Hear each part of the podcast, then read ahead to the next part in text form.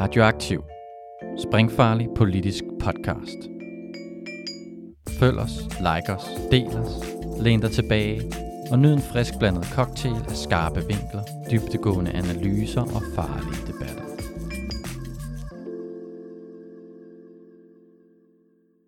Velkommen til Sanger Mere Værdi, Radioaktivs økonomiprogram. Jeg er jeres vært, Alex Arash San Alsing Kalai. Og i dag skal vi snakke om klimakrisen og økonomisk vækst. Derfor har jeg inviteret dig, Rune Detlef Bastrup, i studiet. Velkommen til. Tak skal du have. Og du er direktør i Teknologirådet, eller Deltager Danmark. Hvad er egentlig årsagen til den sammentrækning af navn? Jamen det er fordi, vi lige er altså, sammenlagt i år, og er ved at finde ud af, hvad det nye barn skal hedde. Så vi er en sammenlagt organisation nu af 60 kollegaer, der arbejder med borgerinddragelse og blandt andet også grøn omstilling. Fedt. Og jeg har inviteret dig, fordi at du sammen med Bjarke Dahl Mogensen har skrevet bogen Efter festen øh, om klima, vækst og samfundsvisioner. Og her argumenterer I for et samfund uden vækst, også kendt som degrowth eller postvækst. Og her i første del af programmet, så øh, vil jeg gerne gennemgå de vigtigste pointer i jeres bog. Når vi er færdige med det, så inviterer vi nogle flere gæster ind, og det er Andreas Lund Jørgensen fra Kraka og Peter Kjær Kruse Andersen fra Københavns Universitet, der vil diskutere, om degrowth virkelig er nødvendigt for at skabe et grønt samfund. Men først starter vi med jeres bog. Så kan du give os en elevator pitch på budskabet? Ja, altså hvis jeg prøver at sådan bare opsummere det helt kort, og så kan vi jo øh, bore mere ud i det, så, så tror jeg, at vores grundlæggende jagttagelse er, at vi har brug for en, en, en helt anden forventningsafstemning øh, på tværs af alle samfundslag omkring, hvad det egentlig er for en omstilling, vi øh, er på vej igennem, og hvad det vil kræve af os. Øh, og vi prøver at anskue det i forhold til, til de planetære grænser, og grundlæggende gennemgå et, øh, en analyse af, hvor, hvor, hvor meget mere der skal til egentlig for at kunne øh, hvad kan man sige, bringe vores økonomi og vores øh, samfund og vores samlede menneskelige aktiviteter inden for de grænser, som, som kloden og naturen sætter for vores, øh, vores aktiviteter. Og, og det kræver noget andet og mere, end, end det vi har været på, og, og dermed grundlæggende også en ny samfundsfortælling. Spændende. Og du bruger selv her ordet planetære grænser, og det vil jeg gerne lige høre mere om. For altså, vi kender alle problemer med udledning af CO2, så det behøver vi ikke at gentage. Øh, men der er også andre planetære grænser. Hvad kunne det være for nogen? Jamen det er for eksempel det, som også faktisk er begyndt at fylde en del mere. Vi har fået sådan det, der hedder biodiversitetsråd. Så der er sådan en, en anden planetær grænse, som handler om, om, om integriteten af vores øh, hvad hedder det, økosystemer bredt set, eller biosfæren. Øh, og, og man, man taler om, om, om den sjette masseuddøden, som er sådan en, en, en titel på en bog, der kom for et par år siden, som blev rigtig meget omtalt og, og læst. Og en analyse af, at vi, de menneskelige aktiviteter på, på, på kloden bredt set er i gang med at og accelerere en uddøende arter på tværs, øh, som, som, som destabiliserer og truer, hvad kan man sige, de grundlæggende økosystemtjenester, som, som, øh, som, som øh, naturgrundlaget tilvejebringer for, for vores eksistens som mennesker simpelthen. Så det er alt fra forskellige øh, arter, der uddør i takt med, at vi kan se, at vores, øh, vores fjorde og vande eksempelvis er, er tømt for fisk, som, som et billede på det, der har fyldt meget i medierne det sidste halve år siden, at nogle dykkere svømmer rundt med kamera i Vejlefjord, som, som mange lytter sikkert også øh, har, har blivet mærke i. Og så til sådan en generel uddøende arter, vi kan se øh, på, på, på en række forskellige felter. Man registrerer det eksempelvis også i forhold til, til antallet af, af bestøvere eller insekter i vores natur, hvis man kan konstatere det på en sommerdag, når man har kørt en tur i en bil, at der er meget færre døde insekter på forruden, end, end det der var bare, øh, da jeg var barn i 80'erne. Øh, så det er sådan nogle små indikatorer af, af et meget dybere og komplekst fænomen, som, som øh, er biodiversitetskrisen øh, ofte kaldes. Så er der andre grænser, for eksempel overskridelsen af udledning af, af, af nærings, øh, hvad hedder det, stoffer i vores øh, miljø. Det kan være fosfor og kvælstof som de to drivende, som, øh, som i langt, øh, i alt for stor omgang, om, omfang udledes øh, til til naturen og i højere grad, end det kan optages. Og det, det betyder blandt andet også øh, en, en påvirkning af artsrigdommen og, og øh, i havene for eksempel. Så, så når vi udleder så meget kvælstof, vi gør for vores landbrug, så, så ødelægger det øh, vores, øh, ikke mindst havmiljøet i nære kyster. Og det er et andet eksempel på en dansk virkelighed, eller danske kontekst, hvor vi er i gang med massivt overskride øh, en planetær grænse. For fosfor, det er sådan lidt mere, det, det er ofte kendt som det største problem, få har hørt om, eller du ikke har hørt om, skriver vi i bogen.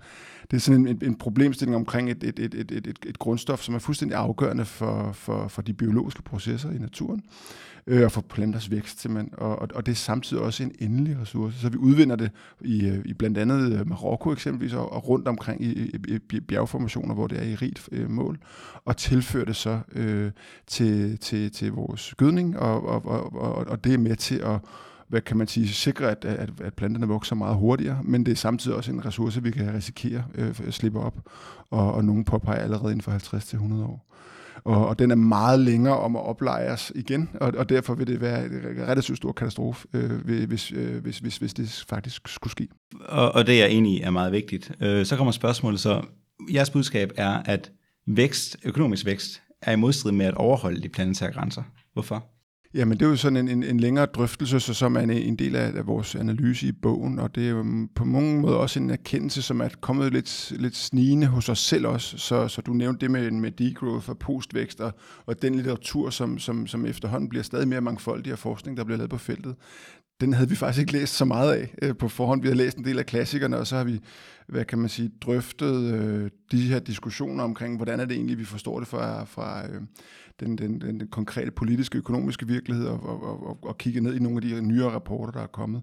Og så efterhånden også begyndt at dykke ned i noget af den bredere litteratur på feltet.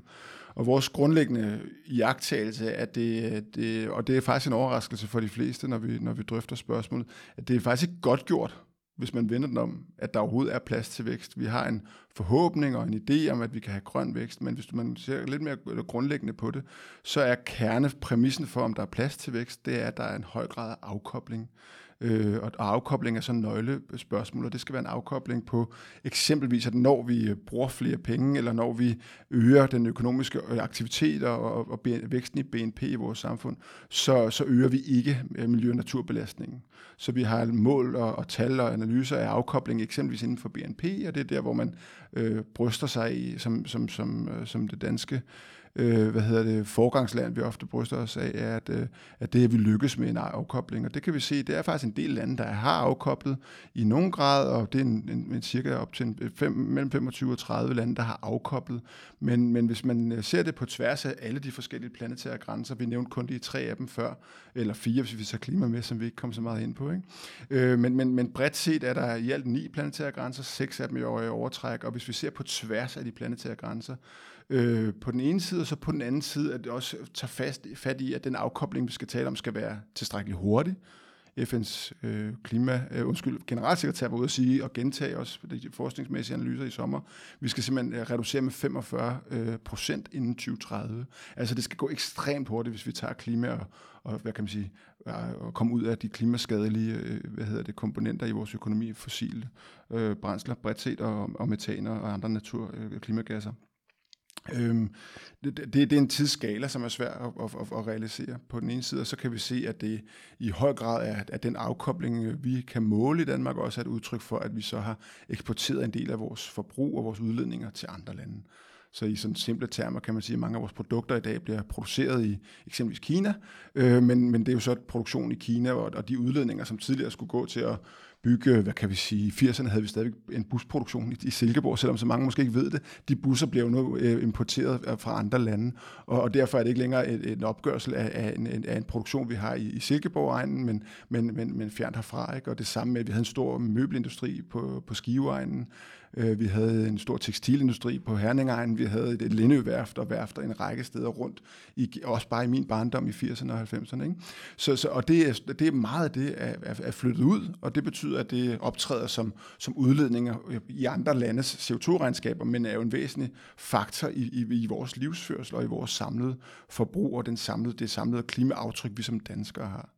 Og det er der, hvor at, øh, at vi kan se, at der er brug for en meget hurtigere omstilling, og, og vi kan ikke se det er sandsynliggjort, at der, at der, at der så faktisk er plads til, til, til vækst inden for det scenarie. Og det får os til at sige, måske sådan lidt frækt og kægt i bogen, at, at det ligner lidt en luftspejling, altså drømmen om, om grøn vækst, og vi kan have sådan win-win-win, at vi, vi kan bare vækste derudad, og at det bare gælder om at, at, at, at drive den teknologiske udvikling øh, hurtigt nok, øh, den, den, øh, den har det meget svært. Der er en række andre faktorer, vi kan komme mere ind på i, i debatten også. Nu har jeg allerede talt længe, men, men kernen i det er, at den der afkobling simpelthen ikke er stærk nok, den er ikke global, og den, den er heller ikke hurtig nok, øh, og den går ikke på tværs af de planetære grænser, hvis vi skal, hvis vi sådan, så skal opsummere det lidt. Og, og det gør ligesom, at, at vi, øh, vi mener i, i, i vores optik, at der ikke kan sige at være plads til økonomisk vækst øh, i, i, den, i, en, en lang tid frem. Så lad mig stoppe det første gang, så kan du uddybe mere. Der findes jo også øh, forskellige former for forsvar for økonomisk vækst. Og noget af det forsvar kommer vi til under debatdelen. Men der er også andre forsvar, som jeg gætter på, at Andreas og Peter ikke vil bringe op. Et af det kunne fx være, at vi bliver mere lykkelige af vækst. Og det findes også den variant, at vi bliver mere frie af vækst. Øh, jamen, det, det, jeg synes, det, ligesom jeg, jeg svarede før, så vil jeg mene, at det er et empirisk spørgsmål i begge tilfælde. Så må vi jo kigge på data. Så vi, vi kigger ned i, i, i data øh, på, på det med de planetære grænser, vi var inde på for et øjeblik siden, og så skal vi jo kigge på data omkring lykke eksempelvis også. Er der en, er der en, er der en tilstrækkelig klar og, og, og, og øh, sammenhæng mellem øget vækst og, og, og lykke? Og den, den, den er ret svær at, at, at, at kunne godt gøre. Den, den er der for, for øh, indtil et vist velstandsniveau, og så aftager den og er, er stort set flad. Øhm, og, og det betyder, at, at øget vækst i et land som Danmark øh, ikke, ikke i, i, i relevant grad kan siges at bidrage til, øh, til lykken. Og, og måske, og det prøver vi at pege lidt på i, øh, i, øh, i, i vores bog. Måske kan man endda sige, at den, den, det at realisere vækst i en økonomi, som er modnet den grad, som den danske er, det er et ret stort pres, der skal til. Så de politiske tiltag, man skal gøre, er jo noget, som generer folk, fordi de skal arbejde mere, eller, eller hvad kan man sige, øh, tilpasse deres liv og deres, deres valg i hverdagen øh, på måder, som de ikke selv har præference for. Det kan være indgreb i, i, i altså mange af de arbejdsudbudsreformer, vi har lavet, har ikke just været populære.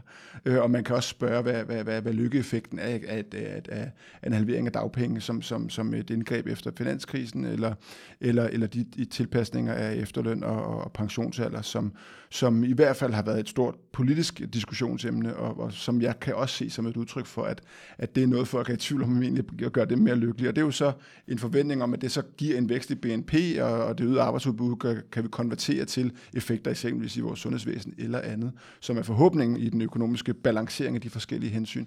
Men hvis vi ser på tværs af også den økonomiske litteratur på feltet, og ser på tværs af forskning i sammenhæng mellem lykke og BNP, så, så tror jeg, det er en, og det citerer vi også et par af sådan de klassiske tekster fra, fra den økonomiske videnskab øh, i bogen, så, så, er det, så er det fair at sige, at den sammenhæng er ikke særlig stærk længere. Så var der det andet spørgsmål omkring det med frihed, og det, og det diskuterer vi faktisk også lidt i bogen. Øh, øh, Søren Pind har for eksempel kommet med det, synes jeg, på mange måder gyldige hvad hedder det, argument, som vi prøver at hive frem som en af indvendingerne mod vores argument, og sige, men, men det er, det er at, at, at, at, have samfund, hvor der er plads til den entreprenørskab, den virkeløst, den kraft, den innovationsevne, som, som den menneskelige opfindsomhed og, og vores øh, hvad kan man sige, super stærke innovationssystemer, vi har som samfund på tværs af vores økonomi, og ikke mindst i et, i et højt udnyttet økonomi som den danske. Øh, det, er, det, er, det er kernen, og den er forbundet med frihed, og jo mere vi har det, desto mere frie vil vi være. Den prøver vi at udfordre og sige, jamen, det, det spørgsmål, om det stadigvæk er gældende i en situation, hvor vi kan se, at naturen er på vej i en betalingsdansning at vi kan se, at vi har gjort så voldsom overtræk på naturens ressourcer. Vi har så voldsomme affaldsproblemer. Der er plastik i haven, men der er især rigtig alt, alt, alt for mange klimagasser i atmosfæren, som er i gang med grundlæggende at destabilisere vores, hvad kan man sige, vores samfund. Og som i, i vores bedste vurdering betyder, at vi skal skifte et mindset, og det kan vi komme mere tilbage til, når vi drøfter det med, med Andreas og Peter om et øjeblik. Det er det der med at sige, at det et optimeringsdagsorden, vi skal tænke på i relation til vores økonomi og vores frihed, eller er det i højere grad en risikodagsorden? Og der er det vores vurdering, at det, der bliver det største dagsorden i de kommende år frem, det handler om at bygge robuste, levedygtige, stærke samfund med, med høj grad af tillid og tryghed øh, og, og samfundsinstitutioner, der er, klar, der er i stand til at klare et stød af det, vi så med coronakrisen. Og der kan vi bare spørge os selv, hvilket samfund var det, der klarede sig bedst? Hvis du spurgte lægevidenskaben inden coronakrisen, og de tekniske vurderinger fra WHO og andre, så vurderede man, at det var USA og Storbritannien, der havde de stærkeste øh, øh, øh, sundhedsvæsener på teknisk kapacitet. Men det var nogle af de samfund, der havde aller sværest ved at klare sig igennem, fordi det er nogle andre faktorer, der bliver afgørende for et samfund, når det bliver ramt af dybe stød fra erodering af vores naturgrundlag. Og som vi er inde på i bogen, så er øh, pandemier en del af vores produktionssystem. Det er den måde, vi omgås med husdyr på, og det er den måde, vi trænger arter og øh, hvad hedder det, skov og vilde, vilde skovarealer tilbage. Det er med til at, at, at reducere den mængde af værter, der er for, for, for, for, for, for, for, for vira, og det betyder, at vi som mennesker og de dyr, vi har, de udgør i dag op mod 96 procent af, af alle, alle levende dyr, øh, eller, eller hvad hedder det, af, af kropsvægt. Ikke? Og det betyder bare, at det er vores organismer og de dyr, altså svin og køer osv., vi, vi, vi, vi, vi har at gøre med, det bliver de steder, man søger hen. Og derfor kan man også se pandemien som en effekt og, og et resultat af det økonomiske system og den logik, vi driver vores landbrugsvæsen efter. Og det er en effekt, som er ekstremt svær at, at risikovurdere og sætte op i forhold til spørgsmål omkring frihed og spørgsmål omkring vækst. Men det er i hvert fald sådan, at det er noget, som, som man fra WO's side af har peget på. Vi, vi kunne også se på, på, på rapporter fra den danske stat, der, der tre år før pandemien sagde, at det er sådan her, det kommer til at spille ud, hvis det sker. Og, og vi forventer, at der snart kommer en epidemi eller en pandemi af en vis karakter, fordi vi kan se, at de bliver stadig mere hyppige. Så, så det har været forudset længe, men vi har ikke været skarpe nok på til at vurdere og afveje de, den type af risici over for de goder, vi prøver at fordele. Og det er det, jeg prøver at sige med en måske lidt for lang sætning, at det er den der fordeling af, af det, det, det, det spørgsmål, om vi skal kigge mest på at allokere ressourcer efficient, som økonomer forsøger at gøre med, med den økonomiske videnskab, og som har virkelig bidraget os med meget, eller om vi i højere grad skal kigge også på risikoprincipper, og hvordan vi minimerer risiko. Og i det mindset, der bliver vækst ikke den vigtigste faktor bag, hvordan vi sikrer os mod risici. Det bliver nogle andre faktorer, der bliver afgørende der, det er vores vurdering. Så findes også et andet argument eller forsvar for vækst, og det er, at det er nødvendigt for at opretholde et markedssamfund. Det findes også i en omvendt version, øh, hvor det er øh, en, social, en økosocialistisk kritik af, at du ikke kan have et, et grønt samfund, der også er kapitalistisk. Ja, nu, og nu skal jeg prøve at svare kort, for jeg kommer til at svare for langt før, kan jeg høre. Hvad hedder det? Jamen, jamen grundlæggende, så tror jeg, at det, det, det handler om, hvad, det, hvad du definerer kapitalisme som, og hvordan du definerer markeder. Og, og jeg mener, det er en fejlslutning. Altså, så det er det helt kort. Jeg tror, kapitalisme forstås som et, et ejerforhold og en relation mellem dem, der besidder produktionsapparatet, så at sige, og så dem, der ikke har andet at sælge end deres løn. Og, og det, det mener jeg slet ikke påvirker af, om der er vækst eller ej. Så, så det mener jeg er en fejlslutning. Grundlæggende er det jo også et spørgsmål, hvad er BNP-vækst som en indikator? Er det aggregeret samfund, samlet hvad hedder det, produktion i et samfund, der stiger. Det er en indikator, som blev defineret i, i et oplæg til den amerikanske regering for cirka 100 år siden af en, af en økonom, som sagde, at der kan sagtens være nulvækst i et samfund, uden at det er et problem i sig selv. Så jeg tror, det er i høj grad et spørgsmål om, hvordan du definerer kategorierne, og hvorvidt du mener, det er et problem eller ej. Og man kan som enkelt markedsaktør sagtens vokse. Og vi har brug for, at der er markedsaktører, der vokser helt vildt, fordi vi har brug for, at der skaleres nye teknologier, nye produkter og nye virksomheder, som kan erstatte det sorte. Så vi skal ikke bare være bange for teknologi, vi skal have meget mere af det. Vi skal være bange for den gamle, beskidte teknologi, som forurener og er med til at ødelægge vores økonomi. Og det er en af de vigtigste misforståelser, som, som, som går igen i debatten. Og så lige et, et sidste øh, aspekt, før vi går videre til næste, det er altså, der er også nogen, der mener, at hvis vi har et samfund med lav vækst, så kommer det til at ramme socialt skævt. Og derfor skal vel nogen sige, at vi ikke have degrowth. Ja, og, og, det, og det kan jeg også godt forstå, altså som en bekymring, fordi man kan sige, hvis vi ser på, på tiden siden krig, krig, altså 2. verdenskrig og frem, så har vækst været en afgørende dynamo for at løfte rigtig mange ud af, af, af arbejdsløshed eller ud af fattigdom. Og, og, og den er helt entydig den sammenhæng for en lang række samfund på tværs af kloden. Der er simpelthen brug for økonomisk vækst for at sikre gode liv, og også potentielt set øh, til et vist niveau liv, som kan være øh, mindre forurenende. Så der kan godt være nogle korrelationer mellem en renere økonomi, som vokser. Og der er jo uanset hvad et, et behov for, at, at der er en række lande i det globale syd, der har plads til at vokse substantielt.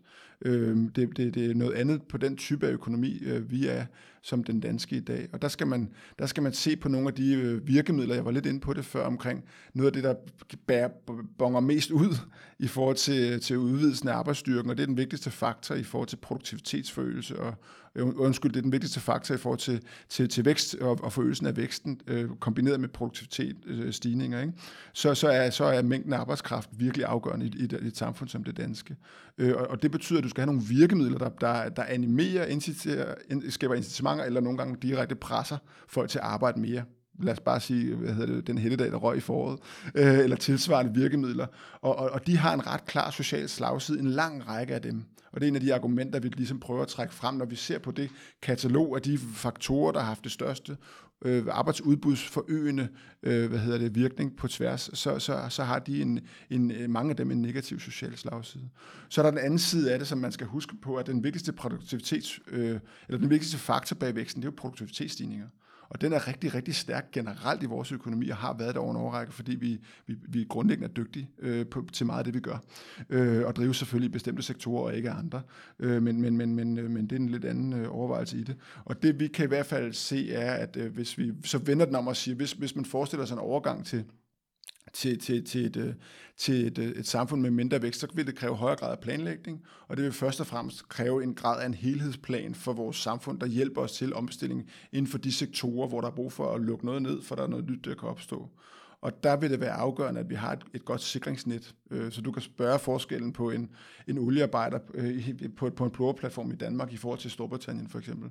Så den grad af, af, af fleksibel aktiv arbejdsmarkedspolitik, uddannelse, mulighed for dagpenge på 110 procent osv., der er en lang række faktorer, der er afgørende for de transitioner, når vi skal bevæge os ud af den, af den, af den sorte industri, så at sige, som vil være en forudsætning, og, og det har vi brug for at accelerere, men det er, ikke, det er noget, vi har gjort før, og det er ikke svært. Og vi har grundlæggende haft en model også i Danmark, hvor vi har lavet falde, hvad jeg ikke kan forstå. Og der peger vi i, i, i bogen på, at øh, nu kommer jeg til at svare langt igen, undskyld. På, på området ved Lønnedværket for eksempel, og på Skiveegnen, der er flere faglærte i beskæftigelse øh, på Skiveegnen, øh, end dengang, at, at man havde en, en stor og stærk lokal industri. Det samme gælder for Lindøværftet, ikke? eller det område i den, øh, den geografi. Ikke? Og det er fordi, man sætter massivt ind, når vi har de der solnedgangs- eller industrier, der lukker. Ikke? Og, og det er det samme, vi kan gøre igen. Og det skal vi bare gøre på en måde, så folk er trygge i, i processen. Så kan de også være med i det. Ja, man kunne også godt øh indvende, at for eksempel mange studier, blandt andet nylig en fra Concito, viser, at det er folk med høje indkomster, der for eksempel udleder mest CO2 igennem deres forbrug. Så derfor, hvis et tiltag til at øh, sænke udledning CO2 var en CO2-skat, som man så omfordelte bagefter, så vil det også netto være en omfordeling fra rige til fattige. Så det behøver ikke at ramme socialt skævt. Nej, nej. Og, det, og, det, og derfor er det et udtryk for, for en, hvad kan man sige, en tvivl, øh, tvivlende politisk vilje, hvis, hvis, hvis man bruger det argument i min verden. Fordi det, vi, har gjort, vi har faktisk lykkes med det siden 90'erne og brugt en, en, en grøn check eller et tilsvarende værktøj til at sikre en omfordeling der, hvor man har brug for at regulere noget. Ikke? Så, så, så, så alt det kan man finde politiske løsninger på, som, som sikrer, at, at goder og byrder fordeles lige. Og det er det vigtigste overvejelse, danskerne har i baghovedet, når de forholder sig til øh, de her spørgsmål også. Ikke? Jeg ved ikke, om du har læst bogen The Ministry for the Future af Kim Stanley Jo, Robinson. det har jeg. Fremragende bog, ja. Jeg har ikke selv læst den, men jeg, jeg har hørt, jeg har hørt Ej, det meget skal om du den, og den er, på, den er på min liste. Ja, den er nemlig. helt fremragende. Men der lykkedes det, så vidt jeg har forstået, nogle økoterrorister at fremtvinge en grøn omstilling. Ja, det er nok lidt for simpelt, men okay. Der, der foregår økoterrorisme, men det er jo ja. Ja. meget bredere, det der sker. Det er ja, Ja, okay. også ret genialt, hvad hedder det, Ministry for the Future, et FN-ministerium, som, som har til opgave at sikre, at vi løser det på en lang række måder, og blandt andet også med nogle idéer, som økonomerne elsker, med at lave forskellige former for carbon coins og sådan noget. Så det, det er virkelig interessant bog, på, der kommer meget bredt omkring. Men det er rigtig økoterrorisme. Terrorisme øh, spiller også en, en, en faktor i bogen. Og så er spørgsmålet jo, hvordan opnår man degrowth? Og I snakker om, at I gerne vil have en plan for et demokratisk systemskifte. Hvad, hvad er det? Jamen altså, vi, vi, vi bruger jo faktisk det, det, og det ved jeg, det, det kunne jeg forestille mig, at en del af dine lyttere på podcasten her synes, at er, er mindre, hvad hedder det, attraktivt, øh, hvad kan man sige, forgangseksempel, men, men vi, vi, vi, vi, det- at, at tale om et systemskifte er noget, man har gjort i, i, i, i dansk øh, sådan, øh, politisk kommentatori, øh, men også i dansk politik igennem en overrække, så vi har det første systemskifte i 1901, og så pegede Anders Fogh øh, op til valget i 2001 på, at øh, der var brug for et nyt systemskifte, så man kom væk fra det socialdemokratiske pampervælde og, og hvad hedder det, kammerateri i råd og nævn og tilsvarende. Og Søren Krav fulgte op med sådan en analyse af det, han kaldte øh, et, et, et opgør med systemet, politikken, øh, og, og, og hele sådan det kulturradikale panas i hans analyse. Anders Fogh brugte det til at, at, at slagte en del råd og nævn, og herunder faktisk rigtig mange af dem, der regulerer en del af det grønne område. Øh, hvad hedder det, som er interessant i sig selv i forhold til diskussionen her. Øh, og, og Søren Krav brugte det til at pege på nogle, en bred vending i, i forhold til, hvad der var det styrende for dansk politik i en overrække, som på mange måder kan sige sig har have været relativt træffende for, hvad der skete i årene efter. Fordi valg efter valg efter valg blev afgjort af udlændingsspørgsmål, og det var en dybere, hvad kan man sige, diskussionsstrømning og, og, og, og kulturel vending eller, eller bekymringshorisont, som rejste sig på tværs af vælgerhavet og var definerende for dansk politik i en årrække, helt frem til, en, øh, til klimavalget i 19, kunne man sige. Så vi siger, jamen det er i virkeligheden i forlængelse af parlamentarismens indførsel i 1901, og så det der, hvad kan man sige, lidt mindre øh, og, og mere kulturelt orienteret systemskifte, øh, øh som Søren Krab og, og Anders Fogh talte om i 2001, så, så er klimavalget i, 2019 og den efterfølgende vedtagelse af klimaloven, det er et udtryk for et, et politisk systemskifte, hvor vi får nogle nye grænser for politik, hvor vi får et klimaråd, der bliver en art overdommer og, og, og, og pisker regeringen her- nu frem til at sige, at I bliver nødt til at komme op med nogle bedre løsninger. Og det er et udtryk for, at politik ændrer sig, og institutionelt sker der nogle forskydninger, der gør, at det politikerne skal tænke over, øh, handler om flere andre ting. Og det, det mener vi egentlig med, med, med, med opvæksten af det massive vælgerflertal, der gjorde, at i en år, altså en lang periode, har det været sådan, at, at hvis du ikke du er stærk på klima, så, så, så er det blevet til det nye udlændingsspørgsmål, som nogle kommentatorer også har kaldt det. Ikke? Øh, og og, og, og at, at vi kan se, at det er dynamikker, og også, der også er institutionaliseret med klimalov og, og nye forvaltningsmæssige praksiser rundt omkring. Og, og, og så kan vi se en lang række forskellige aktører begynder at, at, at stemple ind på nye måder. Alle kommuner har i dag en klimaplan, selvom det ikke er noget, de behøver at gøre. Det har de valgt at gøre som en del af det der systemskifte, vi kan se på tværs af landet. Alle store organisationer har klimatiltag af forskellige art, selvom de arbejder med noget, der ikke nødvendigvis har noget med klimaet at gøre, som et udtryk for noget af det samme. Så vi, vi prøver ligesom at sige, jamen, kunne vi inspirere sig af den der ord, ord, øh, ordbrug og sige, at det er virkelig faktisk noget af det, der er på spil. Også for at hjælpe os til at, at, at få en fornemmelse af, hvor meget der faktisk sker øh, og er sket bare de sidste 5-6 år, øh, siden den varme sommer, sommer i 18. Og, og det er måske virkelig det, vi ser gentaget med den her sommer også, at, at det, der, det der vilde vejrfænomener, som vi ser, øh, at det er den vigtigste skred i forhold til, til, til nye systemskifte, fordi vi erkender nu for alvor, ved at verden ændrer sig foran, altså, altså folk, der har været på, på, på rejse i Europa eller i Norge øh, den her sommer, de har jo set meget voldsomme ting i forhold til, hvad vi er vant til. Og vi så den der sommer i 18, og, og så kan vi se det hvert år, der får det nye fænomener, som tydeliggør for os, at det her det handler ikke om et eller andet i 2021, eller nogle FN-grafer, vi har fået, fået, øh, fået ind fra tv en gang imellem, eller nogle isbjørne langt væk. Det er her nu, og det er vores egen hverdag og virkelighed, der bliver påvirket af det. Og det driver nogle helt andre forventninger fra borgerne til politikerne. Og det er med til også at drive et nyt systemskifte frem. Og det er gjort med det, men det, det, det, det er et første skridt, og så siger vi, at næste fase må så være en, et opgør med, med, med det, vi kalder til, til selvbordsdemokratiet.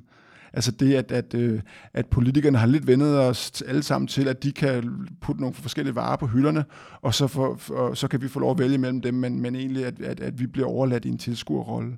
At vi skal i langt højere grad som borgere og som forpligtede fællesskaber i vores lokalsamfund, på vores arbejdspladser, på vores skoler osv., være aktive i at være med til at drive omstilling i den næste fase. Nu har vi snakket om politikere og det danske demokrati.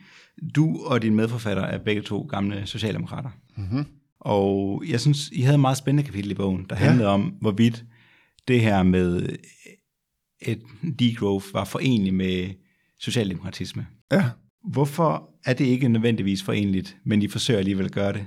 Altså, det, vi, vi bruger jo ikke selv termen degrowth i, i bogen, og vi prøver mere at sige, jamen, det, det der er det, der er det, det kildende for Socialdemokratiet og det socialdemokratiske projekt har jo været, at, at det at få samfundskagen til at vokse, har været en, en, en mekanisme til at realisere nogle attraktive samfundsmål. Altså blandt andet øget lighed, og sikre, at flere kunne, kunne få adgang til, en, til et godt job og en god uddannelse. Ikke? Og det har ligesom siden, øh, siden stavning været en drivende, hvad kan man sige, øh, imperativ i, i økonomien bredt set. Øhm, og, og, og, og, og, og har været dermed også i høj grad det, man gik til valg på, og, og sikre øh, fuld beskæftigelse, og, og, og at samfundskagen voksede. Og det har ofte også været Socialdemokraternes rolle at, at, og enten presse eller drille eller øh, skælde ud på, på de borgerlige partier, fordi at de ikke var gode nok til at få samfundskagen til at vokse. Og det handler jo blandt andet så om, om, om John Maynard Keynes og, og sådan en efterspørgselsdrevet økonomisk politik, og det at kunne bruge øh, hvad kan man sige, manipulation eller øge, øgelsen af, af efterspørgselen på en lang række forskellige tangenter til at sikre en vækst i samfundet, som, som så øger vores adgang til at omfordele mere. Og, og derfor har det stået centralt for den socialdemokratiske tanke, som jo ikke har en fast ideologi, ligesom en række af de andre partier har, men mere et, et konglomerat af, af praksis og erfaringer og, og, og, og fortællinger. Øh, og det prøver vi lidt at, at, at tage ud og sige, jamen hvad, hvad, hvad er egentlig mål og midler her? Og det, det er i vores verden den, den centrale øh, overvejelse, at, øh, at vi er måske undervejs kommet til at forveksle mål og midler. Øh, og vi kan se, at, at målet om økonomisk vækst faktisk har en række afledte negative konsekvenser for vores økosystem, øh, men også for, for menneskelig trivsel, øh, som gør, at vi er i tvivl om, om det også ud fra en klassisk øh, og, og sådan kerne socialdemokratisk anskuelse faktisk er et attraktivt mål længere. Og så går vi så, øh, min gode medforfatter Bjarke har siddet på Arbejderbevægelsens bibliotek og arkiv og gået i de gamle bøger og kigger på, hvordan han har mentalt rundt om samfundsmål og, og øvrige mål, natursyn og alle de der ting og, og, og kulturelle værdier, som er andet og mere end det materielle og, og, og, får, og får en meget, meget rig historie frem jo. Øh, øh, af, hvor, hvor, hvor betydningsfuldt et, et kulturelt samfundsprojekt det, det, den, den, den socialdemokratiske tanke også har været. Og det har ikke været så fremherskende i, i en overrække, kan man sige. I slutter sig af med øh, otte skridt på vejen mod et samfund uden vækst. Og nogle af de punkter, jeg synes var, altså de var alle sammen spændende. Hvis, hvis vi skal øh, skære ned i, hvor mange vi snakker om, så var der tre, jeg, jeg håber lige, det vil uddybe en lille smule. Øh, det første er nye styrende mål for samfundet. Hvad skal det være for nogen? Jamen nu hvor vi siger, at, at vi ikke længere tror, at det er, er specielt attraktivt for os som samfund at have et, et mål om vækst som det styrende, øh, så, så, så kigger vi lidt rundt øh, og, og, og, og taler om behovet for at kigge på, på bredere øh, menneskelige trivselsindikatorer. Og der, der, der kan man gå, gå en række forskellige steder hen, men vi, øh, vi læner os op af OECD, der har lavet et ganske udmærket arbejde hen over en årrække, øh, og som faktisk ligger i forlængelse af den øh, daværende konservative, om, øh, hvad hedder det, franske præsident Sarkozy, der i, i 2007 øh, bad en række af verdens førende økonomer, Stiglitz og andre, om at, at, at, at, at, at finde ud af, hvordan er det, vi kommer ud af det her, øh, hvad kan man sige, øh, den blindgyde, det er at måle vores, vores samfundsmæssige fremskridt på BNP alene. Øh, og, og, og, og bad dem om at give bud på, hvad kunne være indikatorer for menneskelig trivsel og, og, og, og gode samfund, øh, som er bredere. Og det er vores anbefaling, at man prøver meget mere systematisk at indarbejde øh, sådan en, en type af hensyn på tværs af vores øh, statsapparatur, så at sige. Ikke? Og det er sådan helt konkret for at gøre det jordnært påfaldende, hvor meget Danmarks Statistik måler på alle mulige forskellige eksport, øh, hvad hedder det, øh, kategorier eller andre af, af relevans for, for økonomiske spørgsmål, men stort set ikke måler på menneskelig trivsel i, øh, i, i dybden i samme grad. Ikke? Så, så spørgsmål om tryghed og tillid og nogle af de der indikatorer der fylder forbløffende lidt i øh, Danmarks Statistik. Og det er ikke Danmarks Statistiks skyld, men i høj grad også den bevilling, de får til at kunne udgøre det med. Så vi, vi vil have en klar opfordring til, til Christiansborg om at, at tage den der øvelse op, som andre lande er gået godt i gang med øh, New Zealand, øh, Wales, øh, der er klassiske eksempler fra Bhutan, og, og, og man kunne også øh, kigge på, hvad, hvad man har forsøgt i en række europæiske lande på det felt, øh, for at kunne måle og veje menneskelige fremskridt så meget mere end, end et spørgsmål om økonomisk vækst. I har så også øh, nedsat arbejdstid.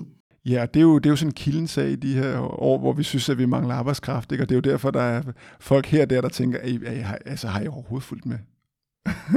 som vi også bliver spurgt om. Øh, så det er jo klart, at det, er jo ikke, det ligger ikke lige på den flade i forhold til, hvor man kan se, at dansk politik står i dag. Men hvis man ser i det historisk lys, så, øh, så kan man sige, at på den ene side har vi aldrig været rigere, end vi er i dag som samfund. Og den historiske norm siden krigen har været, at vi har reduceret arbejdstiden. Øh, fordi at det var efterspørgt, og, og, og fordi den, i min verden, en af de vigtigste friheder overhovedet, det er friheden til selv at bestemme, hvad vi vil med vores tid, fordi det er den mest knappe ting, vi har i vores liv fordi vi er kun en vist afmålet del af vores tid. Så for mig er frihedsbegrebet meget tæt forbundet til det at bestemme over sin egen tid. Øh, og derfor har den vigtigste kamp for blandt andet den socialdemokratiske, eller bredere arbejderbevægelsen, har jo været det med at reducere arbejdstiden. Det var den første store sejr, man vandt øh, efter slaget på, på, på, på fælderne, og så vandt man, der. det tog 30 år at vinde, fra, fra de første faner blev trygt, og så til, at man fik indført 8, 8, 8 timers arbejdsdagen, som øh, lige for et, for et par år siden havde 100-årsdagen. Ikke? Øhm, så, og, og, og så har det kørt efter, efter krigen, har det jo år og 10 for 10, har man, har man øh, systematisk nedsat øh, normarbejdstiden via overenskomsterne.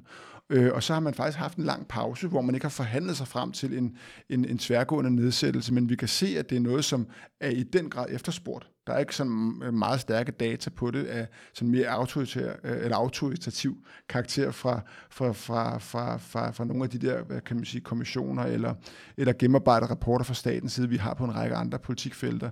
Der skal vi helt tilbage til 2007, øh, 6 og 7, før man, man der har nogle, nogle, nogle, nogle bredere tal. Men, men hvis man ser på en række indikatorer, som vi prøver at godt gøre, så er det faktisk efterspurgt øh, bredt set øh, er, det vores antagelse. Og man kan også vente om at sige, hvor, hvor stor kritik der har været, som jeg var inde på før, af efterlønsindgreb og hele pensionsspørgsmålet er også et udtryk for, at folk ønsker faktisk at arbejde mindre.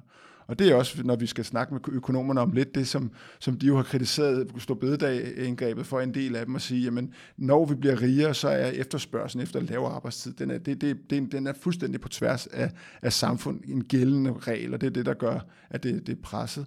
Øh, og det vi siger, at det, det der er det attraktive i en, i en, hvad kan man sige, en klima- eller bæredygtighedsdagsorden, det er, at hvis vi, hvis vi i stedet for at konvertere øget produktivitet til mere vækst, som så giver os højere løn, vi kan købe flere fladskærme og flere biler for, og større hus, konvertere det til mere frihed hen over de kommende årtier, så vil vi som individer formentlig trives bedre med det, og vi vil som samfund få lokalsamfund, hvor vi har bedre tid til hinanden, vi har bedre tid til vores børn, og så fremdeles.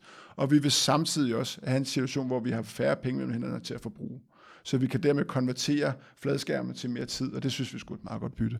Og det er helt afgørende for den grønne omstilling, at der bliver nogle attraktive ting at gå efter, øh, som, som, som er en af grundene til, at vi har taget det frem.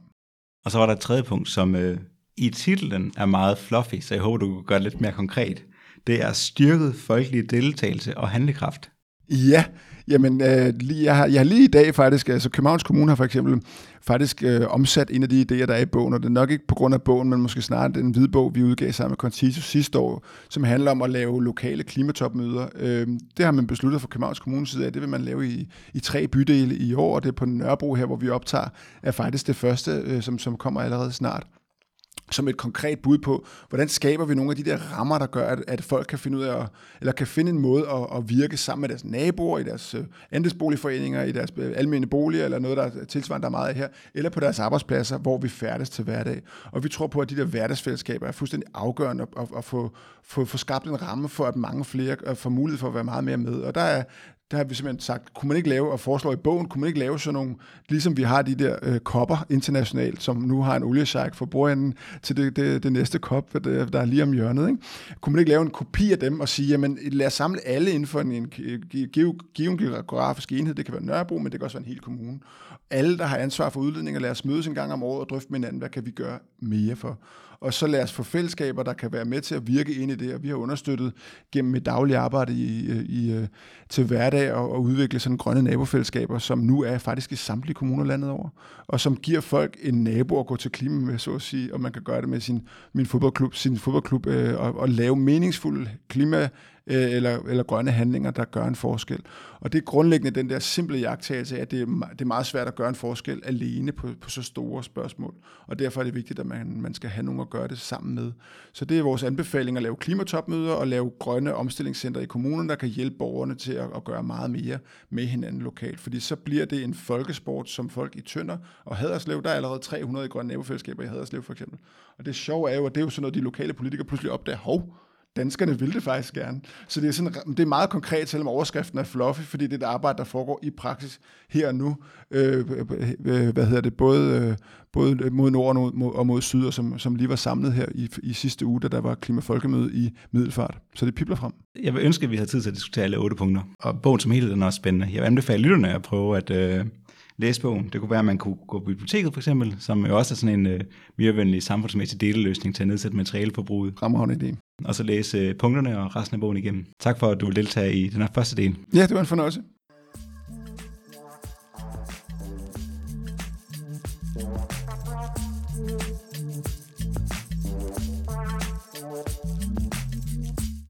Velkommen tilbage. Vi har stadigvæk Rune i studiet, og nu har vi fået to nye gæster.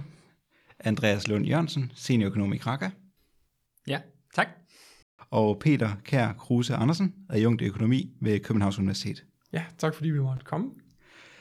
I har sammen med Ulrik Bæk fra Kraka øh, udgivet debatindlæg i Altinget, hvor I diskuterer vækstkritikken i bogen efter festen. Og I argumenterer for, at bogen fokuserer for meget på vækstkritik. Derfor har jeg inviteret ind i studiet for at have en debat med Rune og før vi går i gang med selve debatten, så håber jeg, at I vil specificere, hvor I står. Så er vækst selvfølgelig ja, noget, man kan tage for givet, at det automatisk vil, vil øh, give en grøn økonomi og løse alle miljøproblemer, eller er vækst, hvad skal man sige, godsøjne, bare forenligt med, med den grønne omstilling, men det kræver stadigvæk aktiv politisk handling. Ja, ja, men, øh, ja, ja, vi har ikke koordineret, hvem der siger hvad, men øh, jeg, kan, jeg kan lægge for her. Så jeg tager i hvert fald det, det nemme spørgsmål, det er det her med, om man kan tage for givet, at vækst bliver grønt.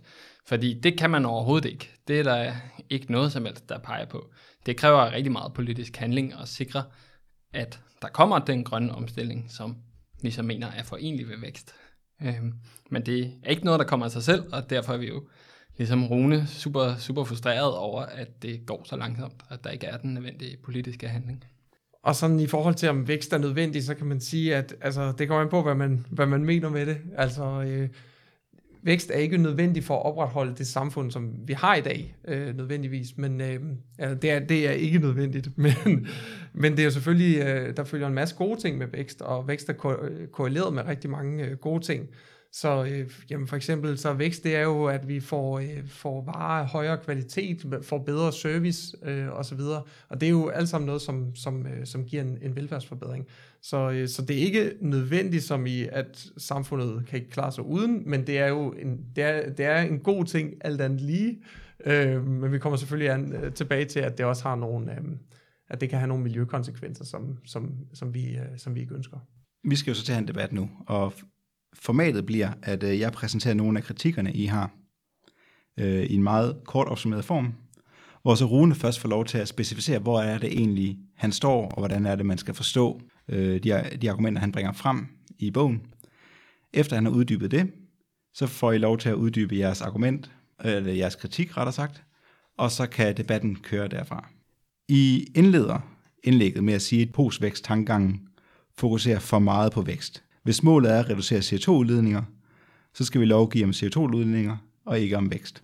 Øh, jamen, altså, jeg, jeg tror, det er en, øh, der, der, der, der er jo virkelig mange facetter af den her diskussion, jeg skal prøve at, at, at gøre det øh, lidt kort og sådan lidt, lidt, øh, så det også bliver underholdende, og, eller måske, det ved jeg ikke, om det bliver, men ikke bliver alt for tørt og langhåret, og, og drøftelsen af det, ikke? Så, så jeg, jeg, jeg tror, jeg, jeg vil sige det sådan, at, øhm, at øhm, det, det, givet det var så vel, at, at, at, at, at verden hang så enkelt sammen, som, som, som det, der ville passe godt med vores økonomiske model, og det gør den bare ikke. Altså, vi lever i en beskidt politisk virkelighed, hvor at, at, øh, at den, den mest efficiente måde at regulere nogle af de her spørgsmål på, bare ikke indfinder sig. Og den er ikke indfundet sig i nogen øh, samfund, og den kommer heller ikke til at gøre det øh, i det danske, fordi at der er en række andre faktorer i det politiske system, som skal være til stede.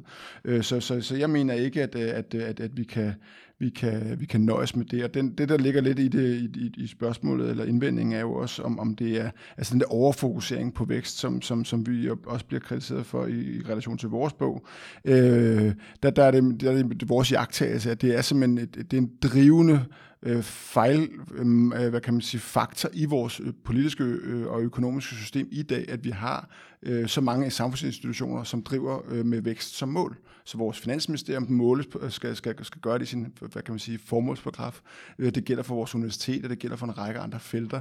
Øh, der er vækst og, og generering af vækst en afgørende, hvad hedder det, faktor. Og, og man kan sige selv i vores klimalov, der står, at vi skal understøtte øh, et væksthensyn også. Ikke? Og, og det mener vi bare er med til at skævvride og pervertere en række af de, hvad kan man sige, samfundsmål, vi, vi, vi egentlig mener skal være mere styrende, og dermed er det en, en, en forstyrrelse af, af, et, af, af, af, af, af, hvad kan man sige, mere attraktive samfundsmål øh, om, om mennesketrivsel.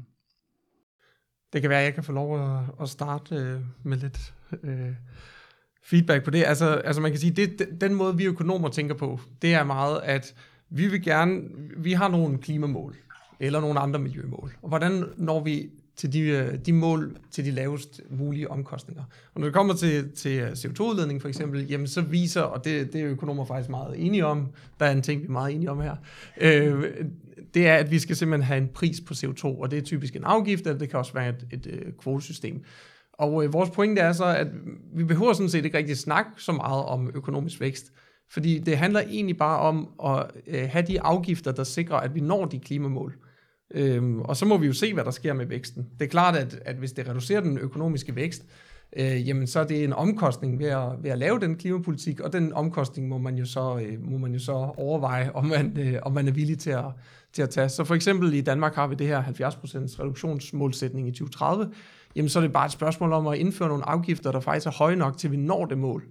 Og øh, der kan man sige, at jeg synes jo sådan set, at, øh, at vi er godt på vej på den måde, at øh, der er øh, EU's CO2-kvotesystem, der sikrer, at der er en pris på CO2 øh, for, øh, for mange industrier i Danmark, og øh, regeringen er faktisk i gang med at, øh, at kigge på at få indført en CO2-afgift, eller en drivhusgasafgift, bør man kalde det, for, for landbruget, og der er allerede indgået en aftale omkring en drivhusgasafgift øh, på den øh, store del af industrien. Så det ser ud som om, at man faktisk godt kan de her ting, og så er det et spørgsmål om politisk vilje, hvor høj skal den her CO2-afgift være, øh, og hvor, hvor omfattende skal den være.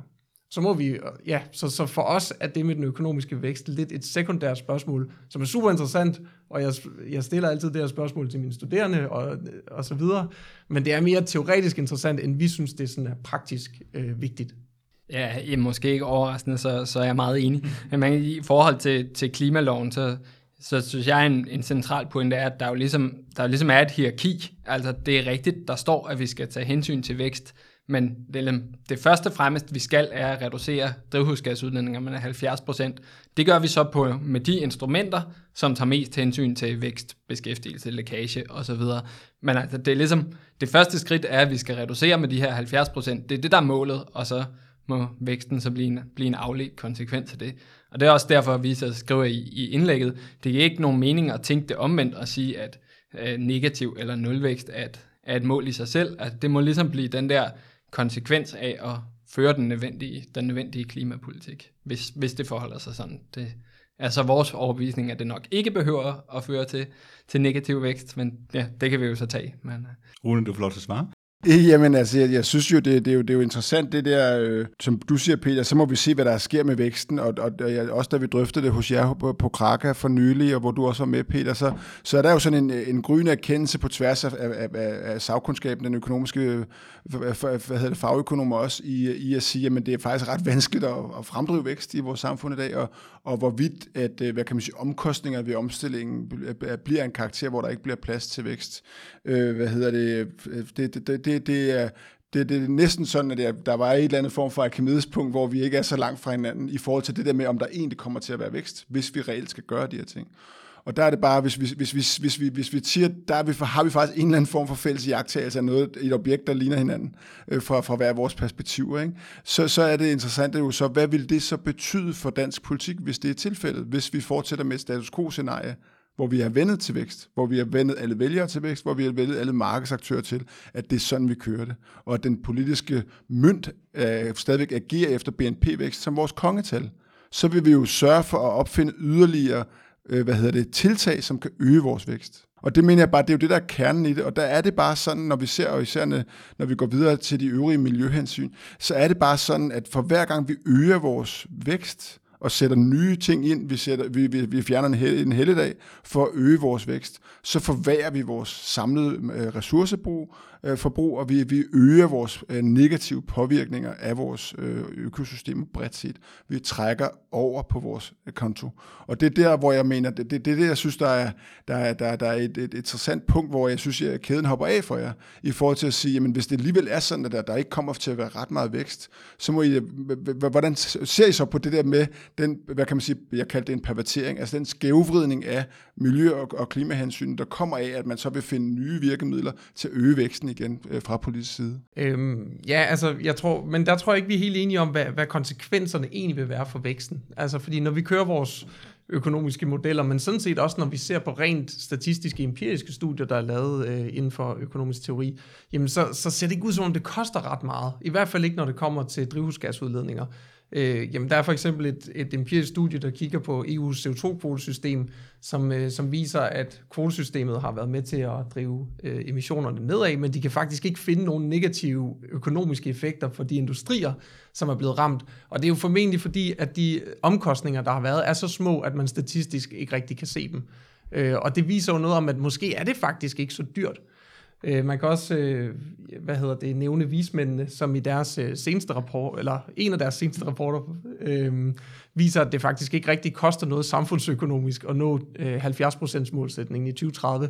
Det er lidt overraskende, men det viser sig at være fordi, at når man blandt andet regulerer landbruget, jamen, så er der nogle andre sidegevinster i form af andre øh, Øh, miljøproblemer, som, øh, som forsvinder. Så det er faktisk svært at tvinge en økonomisk model til, at det er meget dyrt at lave den her grønne omstilling. Det koster typisk mellem 0 og 2 procent af BNP og, og nå meget øh, ambitiøse øh, klimamålsætninger i, i de her modeller. Det er modeller, der er lavet for CO2-udledninger. Er der også lavet tilsvarende modeller for andre øh, typer af forurening? Nej, de studier, der, der er på området, kigger typisk meget snævert på, på CO2-udledninger. Altså, der er ikke nogen, der, der... Man kan sige, grundlæggende er der jo ikke rigtig nogen lande, der har prøvet at indføre en regulering, der håndterer alle de andre miljøproblemer. Så derfor er det også svært i hvert fald at lave det, lave det, det rene empiriske studie. Det kan godt være, at der er nogen, der har, har kørt en model engang imellem. Men, men de der studier, hvor vi prøver at kigge, nu er der nogen, der har indført den nødvendige regulering, hvad har det betydet for væksten? De findes jo af gode grunde ikke for biodiversitet og habitatsbevarelse. Og men det kan måske nævnes, at øh, de fleste planet, eller alle de planetære grænser har noget med landbruget at gøre. Øh, og landbruget fylder bare ikke særlig meget i nationalregnskabet. Så det er klart, at øh, jamen, øh, når det kommer til fosfor, fosforudledningen, til nitratudledningen, når det kommer til biodiversitet, men sådan set også når det kommer til klima, jamen så øh, det at lave et mere bæredygtigt landbrug, og det vil nok blandt andet betyde øh, mindre animalsk produktion og mere vegetabilsk øh, produktion, jamen det er noget, der vil hjælpe på, på alle de planetære grænser. Så selvom at jeg ikke lige kan trække et studie frem, der, der giver det perfekte svar her, så, så ser det igen ud som om, det er en sektor, der ikke fylder ret meget, i, øh, i økonomien, også selvom der er nogen, der, der prøver at puste den øh, lidt op måske, øh, så, så fylder den ikke ret meget i økonomien, og derfor bliver det også sådan, når man så støder til økonomien i de her økonomiske modeller, lægger nogle afgifter ind og så videre, jamen hvis man gør det på nogle sektorer, der ikke er særlig store, så får man heller ikke særlig store effekter. Det er derfor, vi jo grundlæggende når frem til en forventning om, at det ikke vil være nødvendigt at have nul eller negativ vækst for at leve inden for de, de planetære grænser. At man siger, Rune siger, at det ikke er godt gjort, at det kan lade sig gøre, men vi synes jo et eller andet sted, at det ikke er godt gjort, at det ikke kan lade sig gøre. Altså, det, hvis vi prøver at se, hvad der sker, hvis vi indfører, indfører regulering, finder vi ud af, om det kan lade sig gøre. Vores bedste gæt er, at det kan det godt. Rune kommer så frem til den modsatte konklusion, men vi må, vi må have de, de rigtige afgifter og de rigtige de rigtige kvotesystemer, og hvad der nu er svaret på hver enkelt af de her planetære miljøproblemer, planetære grænser, og så se, hvad der, hvad der sker. Det vil ligesom være, fra vores perspektiv, den, den rigtige måde at gøre det på, i stedet for at starte med et udgangspunkt om, hvad væksten skal være. Så det næste spørgsmål, øh, eller næste kritik er det, at I i bogen snakker om, at afkoblingen mellem for eksempel CO2-udledning og produktion går for langsomt. Og der fremfører Peter og Andreas, at det ikke er et argument mod vækst, det er et sted for et argument for, at vi skal have mere politisk øh, vilje til handling. Og at postvækst næppe er, næppe er en vision, vision, der skaber mere vilje til handling. Mm.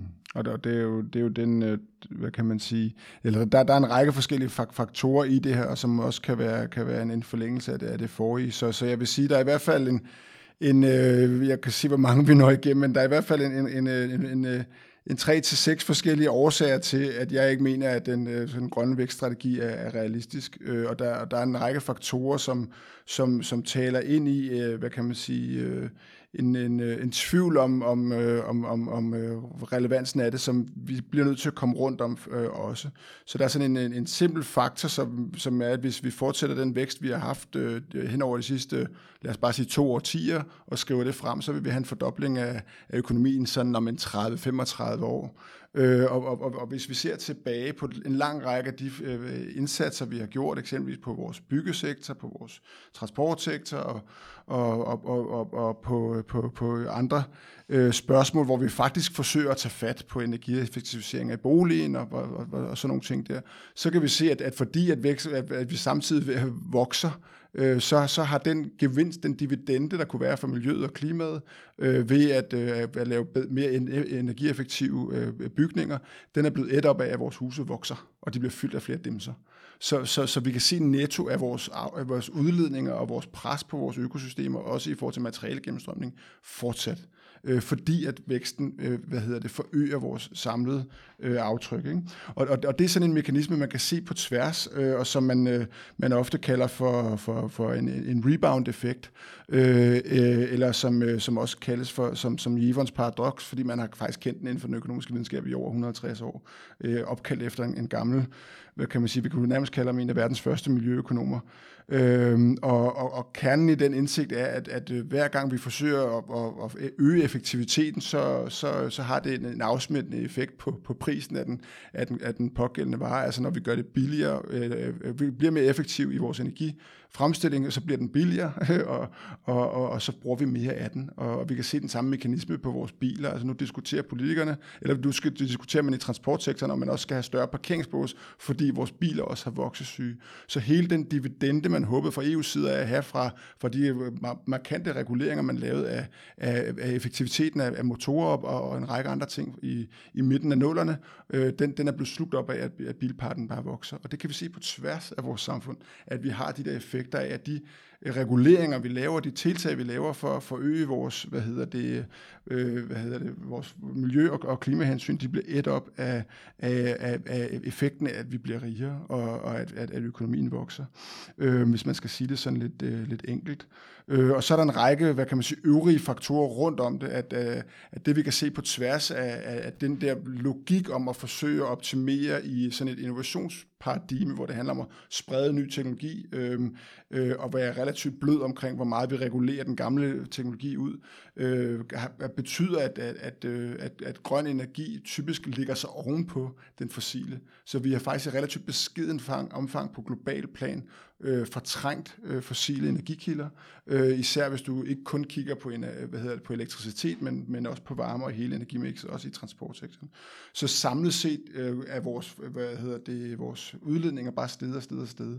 Og selv for et samfund som det danske, når vi kigger ned i tallene, øh, følger Klimarådet og en række andre jagttager og eksperters, hvad hedder det, øh, kritik af brugen af biomasse som erstatning for kul i vores varme eksempelvis, så kommer vi frem til, at den afkobling, der reelt har været i Danmark, den har kun været på cirka 8% imod de cirka 42%, vi ellers øh, øh, godt gør, hvis man tager biomasse ind øh, som en faktor også. Og det er sådan et, et eksempel på, at det er ekstremt dyrt og ekstremt vanskeligt for os som samfund faktisk at gennemløbe øh, de der omstillinger, og at det har meget voldsomme øh, miljømæssige effekter også øh, for de øh, hvad hedder det, biotoper, hvor vi tager træ fra. Øh, og hvis du eksempelvis, der er studier, der viser, at hvis du, hvis du afskover eksempelvis i, i, øh, i, øh, i, øh, i, i, i de russiske øh, skove, så, så, så, så kan det være op mod 2-300 øh, år, før at, øh, at, øh, at, øh, at den biomasse, du tager ud, øh, bliver regenereret, øh, i, i, set i forhold til, hvis du bare lod den ligge øh, i de koldere egne. Ikke? Så det er bare sådan et lille eksempel på, hvad hedder det, betydning af at, at, at, at, at ødelægge bio, øh, hvad hedder det, diversiteten, også gennem at, at, at bruge træ til at, at fyre op i vores kulovne. Øhm, og så er der Øh, sådan nogle antagelser omkring, at vi er i stand til at genanvende systematisk, og vi kan gøre meget mere af sådan den cirkulære økonomi som, øh, som et andet sådan nøglefaktor, man ofte trækker frem, når vi diskuterer spørgsmål om grøn vækst. Øh, og der, der kan vi jo eksempelvis se på øh, den super interessante, hvad hedder det, det forhold, at vi faktisk er i stand til at genanvende op mod 95 procent af en elbils øh, hvad hedder det, batterier i dag. Og det lyder jo rigtig godt, øh, og, og kan blive brugt som et argument for, jamen så vil der jo være masser af plads, men der skal vi bare huske, at, øh, at den, øh, den andel af, af, af, af elbiler, vi har i dag, set i forhold til, hvor mange elbiler vi skal have inden for de næste 15 år, der er den nuværende bilpulje og genanvendt fra marginal, og vi har brug for en voldsom forøgelse. Øh, så, så vi står foran, at der er en meget klar øvre grænse for genanvendelse på tværs. Det var bare et eksempel. Øh, og at sandsynligheden for, at vi på tværs af vores økonomi vil være i stand til at optimere og fortrænge øh, i et, i et øh, hvad kan man sige, status quo-scenarie, synes jeg er, er meget svært at se, at, at se for mig i en situation, hvor vi stadigvæk optimerer efter vækst. Øhm, og der er det rigtigt, øh, Peter, du nævner altid det med, hvad hedder det, øh, med kvoter som et fremragende værktøj, og, og vi skal jo bare være ærlige omkring, hvor lang tid har det taget at etablere et kvotesystem som det europæiske, og, og hvad er det for en tidshorisont, vi arbejder i retning af.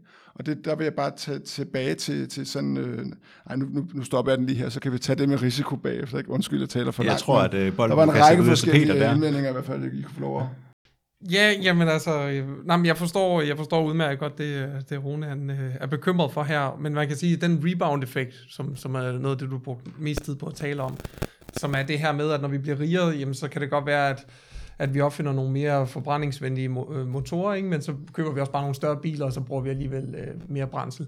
Altså, det er jo sådan set et godt argument for, at man ikke laver den slags regulering. Altså det her med, at EU for eksempel kræver, at, at biler skal være så og så meget mere energieffektive, øh, i 2030. I stedet for, så skal man have en CO2-pris, sådan så vi rammer direkte på det, som er problemet. Og der har man jo i transportsektoren for eksempel, jamen der, der kunne man gøre mere på den front. Ikke? Øh, så det, det er det der med igen at få indpriset den, neg- altså den negative effekt, det har, øh, at, at, man, øh, at man udleder.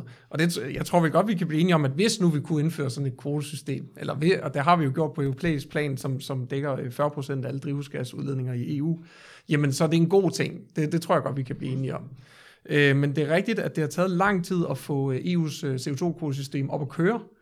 Øh, det startede, øh, altså man kan sige, at det startede helt tilbage øh, i 2005, hvor det var et pilotprojekt, og så blev det senere til et mere seriøst projekt.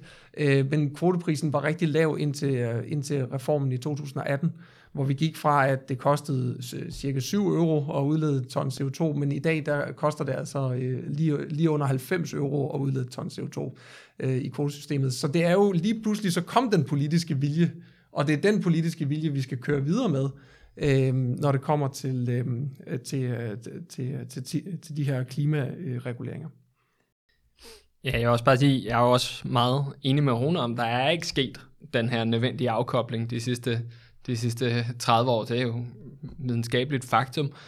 Jeg synes bare, man kan sige, det er et meget stærkt argument for, at vækst i sig selv ikke er løsningen. Det, det er helt stensikkert. Men jeg synes, det er svært at udlede fra en periode, hvor der ikke rigtig har været nogen regulering. Der har faktisk været massive subsidier til fossil, fossile brændsler. I Danmark har der været for, subsidier til at skifte over til biomasse.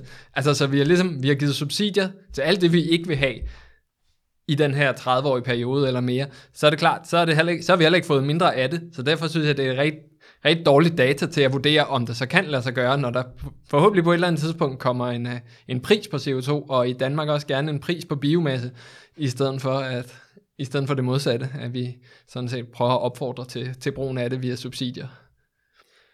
Og så kan man måske lige øh, kommentere lidt på, på det omkring øh, materialgennemstrømning. Altså, øh, vi kommer lidt over en anden debat, når vi så også begynder at snakke øh, materialgennemstrømning, fordi vi ikke har nogen vi har egentlig ikke nogen mål for det her, øh, den her materialgennemstrømning, altså hvor meget øh, metal og hvor meget øh, fosfat og så videre er det, der, der, der ryger igennem øh, økonomien. Øh, Øh, men det er klart, at hvis vi havde nogle mål for det, hvis, vi havde, hvis, vi, hvis man politisk ønskede at gøre det, øh, jamen så, øh, så var man nødt til også at have noget regulering af det, for eksempel kvotesystemer og så videre. Øh, og det, det er man jo nok nødt til at tænke over på et tidspunkt. Øhm, øh, at, at det kan jo ikke blive ved, og man kan sige, at materialgennemstrømningen i verdensøkonomien har bare været stigende. Og der er jo ikke uendelig mange materialer i øh, den her verden. Så på et tidspunkt er vi nødt til at tænke mere grundigt over, øh, hvordan vi bruger de her materialer. Det er vi sådan set enige om. Øh, men øh, jeg synes også, det er fair nok at sige, at nu skal vi også lige, nu skal man måske lige fokusere på at få styr på sin klimapolitik, og så skal vi også have styr på de andre ting øh, bagefter. Men øh, det er jo sådan lidt, øh, hvor hurtigt politikerne de kan, de kan få gang i de her ting. Jeg synes, det kan, kernen i det er jo, at så længe vi har en forestilling om, at vi kan fortsætte det status quo-scenarie, øh, der er vækstfortælling øh, og vækst, den, den, den magiske tryllestav vækst har for dansk politik, er den vigtigste faktor, der, der fjerner den forventningsafstemning, der skal være på tværs af alle samfundsfaktorer eller samfundssektorer. Og, og det er jo bare en, det er jo en diskussion, hvor man kan sige, jeg, jeg respekterer til fulde, at I som økonomer har jeres prisme at kigge på verden ud fra, og den har sine klare begrænsninger. Så det er også noget af det, der, der er drøftelsen, som jeg også har haft med, med flere af jeres andre kollegaer, hvor vi også typisk øh, kan finde hinanden i at sige, jamen det, det, det, det, det, det er fint og fair nok, at I har det der perspektiv på, hvordan man kan optimere en, en, en anvendelse af goder. Når vi ser på det samlede politiske system, så er det jo øh, rigtigt, hvad du siger, Andreas. Det er ikke sket, og det kan man jo så ikke bruge som argument, man kunne også bare, man kunne også bare sige, hvordan er det, verden ser ud. Og når det ikke er sket de sidste 30 år, hvor vi, altså Merkel stod i 95 og indledte den første COP, vi havde rio topmøde i 92 osv., vi har haft masser af rapporter, vi har haft masser af data, der viser det her, vi har haft masser af, af, af, af politiske øh, skoletaler fra tid til anden, og det er klart, der er en mobilisering nu, som er stærkere, vi har en forhåbning om, at det går hurtigere, men vi kan også få et backlash, der gør, at kvoteordningerne bliver slækket og så videre, så videre. Ikke? Så jeg synes, det er i høj grad et spørgsmål om at afstemme det mod den øh, politiske realitet, vi er i nu, og hvor det vigtigste, vi har brug for, er, at der er politiske ledere, der siger, jamen vi bliver nødt til at erkende på tværs, at, at, at, at, at festen er forbi, så at sige. At, at, vi, at vi bliver nødt til at, at indstille os på, at vi kan ikke bare vokse af, og at det betyder noget for hver os, vores hver især, og det betyder, at der er et arbejde foran os, som har en anden karakter. Men du, du sagde før, at i, og skriver også i, i, din, i din ganske udmærkede bog, at vi, vi ser ind i et systemskifte, at altså det her begynder at komme nedefra. Folk begynder at få nogle meget stærke forventninger til deres politikere, og det bruger du ligesom som argument for, at måske er folk klar, befolkningen klar til at tale om, om negativ vækst, eller om ikke at have, have vækst. Så har jeg bare meget svært ved at se, hvorfor, altså det er jo i min verden ret drastisk. Så hvis du mener, at den der sådan, mobilisering i befolkningen kan drive det, hvorfor kan den så ikke drive nogle politikere, der tør at sige, nu skal der være et høj afgift på CO2. Det vil være en meget mindre indgriben i folks hverdag. Du kunne kombinere det med noget omfordeling, sådan så det blev sådan så det endte med også at blive et progressivt tiltag, hvis det var det, man gerne ville. Men, men, men, men, men peg for mig den befolkningsgruppe, som har sagt, vi vil have vækst, det, det står ikke på noget banner.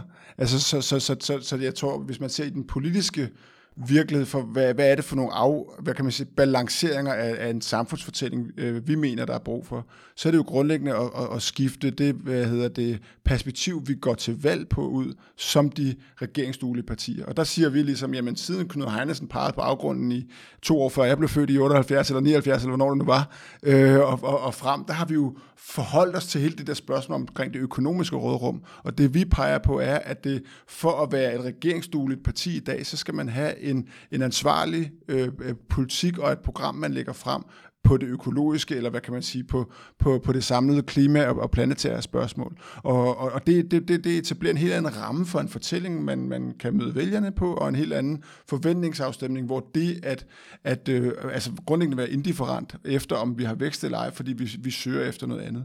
Men så længe vi har et mål om vækst, og så længe det er den type af mønt, det har i forhold til valgprogrammer og tilsvarende, øh, og den måde, vi, vi opgør det også på i fremskrivninger fra Finansministeriets side, der skaber den der hvad det, man kan sige, forestilling omkring et råderum, vi så kan allokere og give ud øh, i vores valgprogrammer, så er det, at den der forventningsafstemning aldrig bliver etableret, og så kommer du aldrig heller til at kunne, kunne lave de typer af, af reguleringer eller, eller afgifter, som, som, øh, som, som, som skal tilvejebringe det, fordi at du har en fortælling om, at det ikke vil koste nogen rigtig noget, og at det vil være noget, som ikke vil kunne mærkes i videre grad. Det er det, som borgerne i vid udstrækning har fået at vide indtil nu. Og det er der, hvor vi siger, at den fortælling skal fuldstændig ændres, fordi at realiteterne er markant anderledes, end de har været tidligere.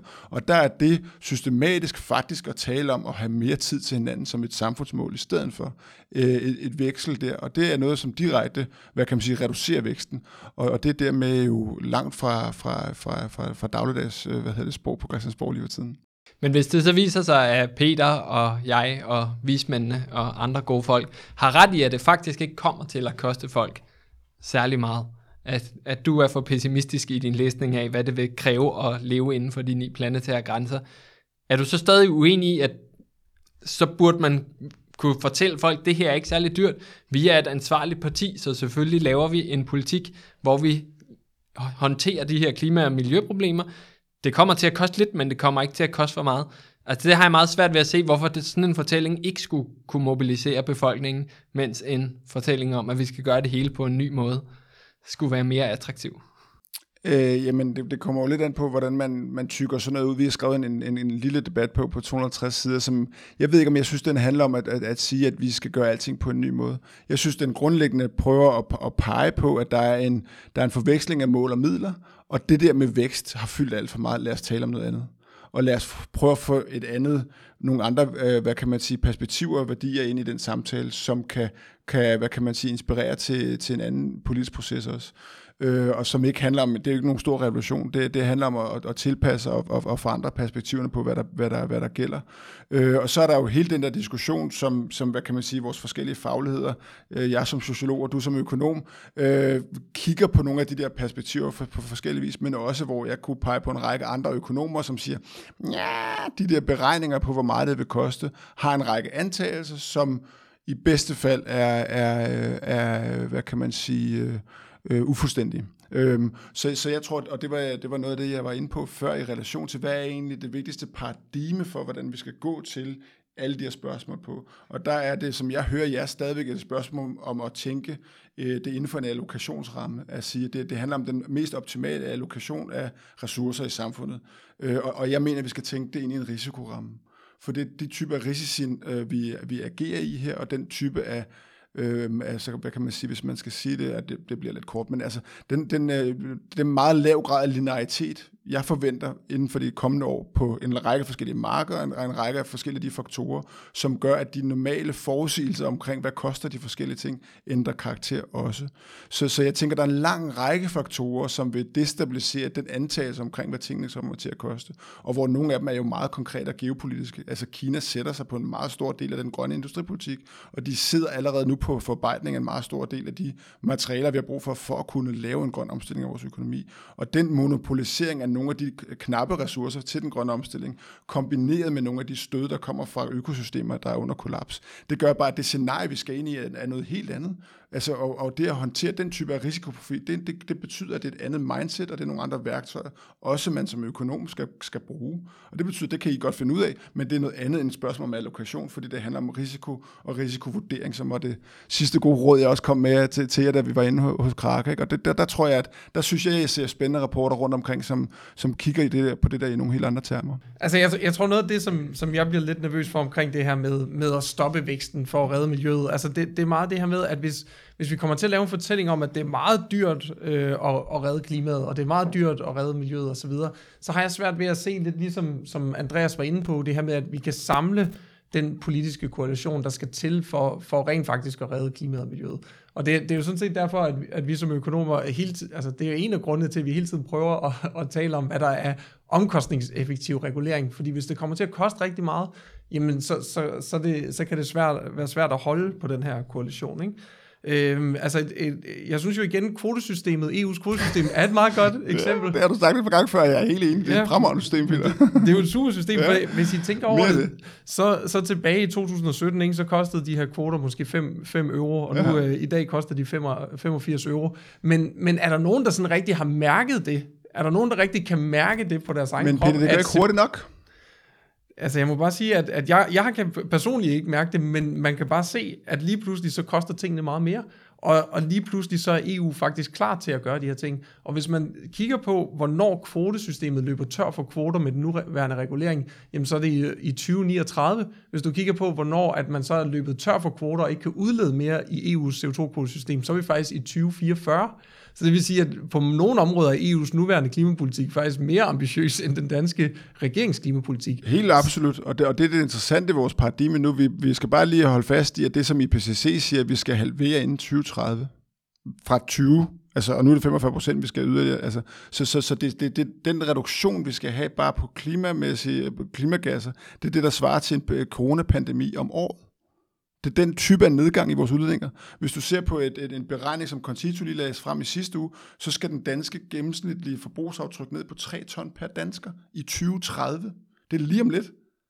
Og, og, og, og det, er en, det er en opbremsning i vores forbrugsudledninger, som er selvfølgelig, som Concito også siger, det, det kan vi ikke lægge på plan, fra, for, plan frem for, hvordan vi skal gøre, men, men, men vi har ikke den, den, den, den mængde af tid, I antager med at, ved, at, ved at bruge jeres vante værktøjskasse, vil jeg have lov at anholde.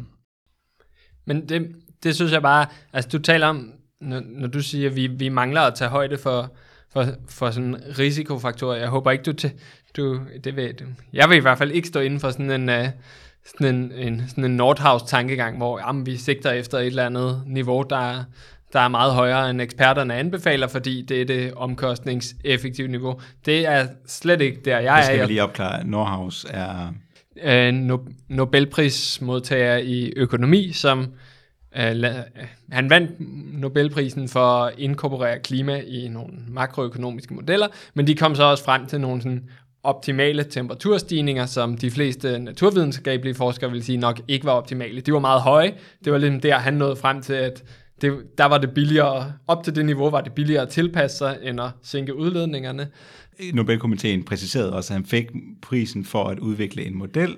Han fik ikke prisen for, for de konkrete tal, han brugte i modellen. Helt, helt klart. Og det var også bare for at sige, det, hvis, hvis det er det indtryk, vi efterlader, så vil jeg bare lige have Det er det, det måde, have det, have Det det, have, have faret, faret af bordet. Vi, vi taler ikke om, at man skal lave den grønne omstilling langsommere end, altså at grundlæggende gå langsommere til værks for, for at have en eller anden sådan, af en eller anden optimal temperaturstig, hvor, vi, hvor det er billigere at tilpasse.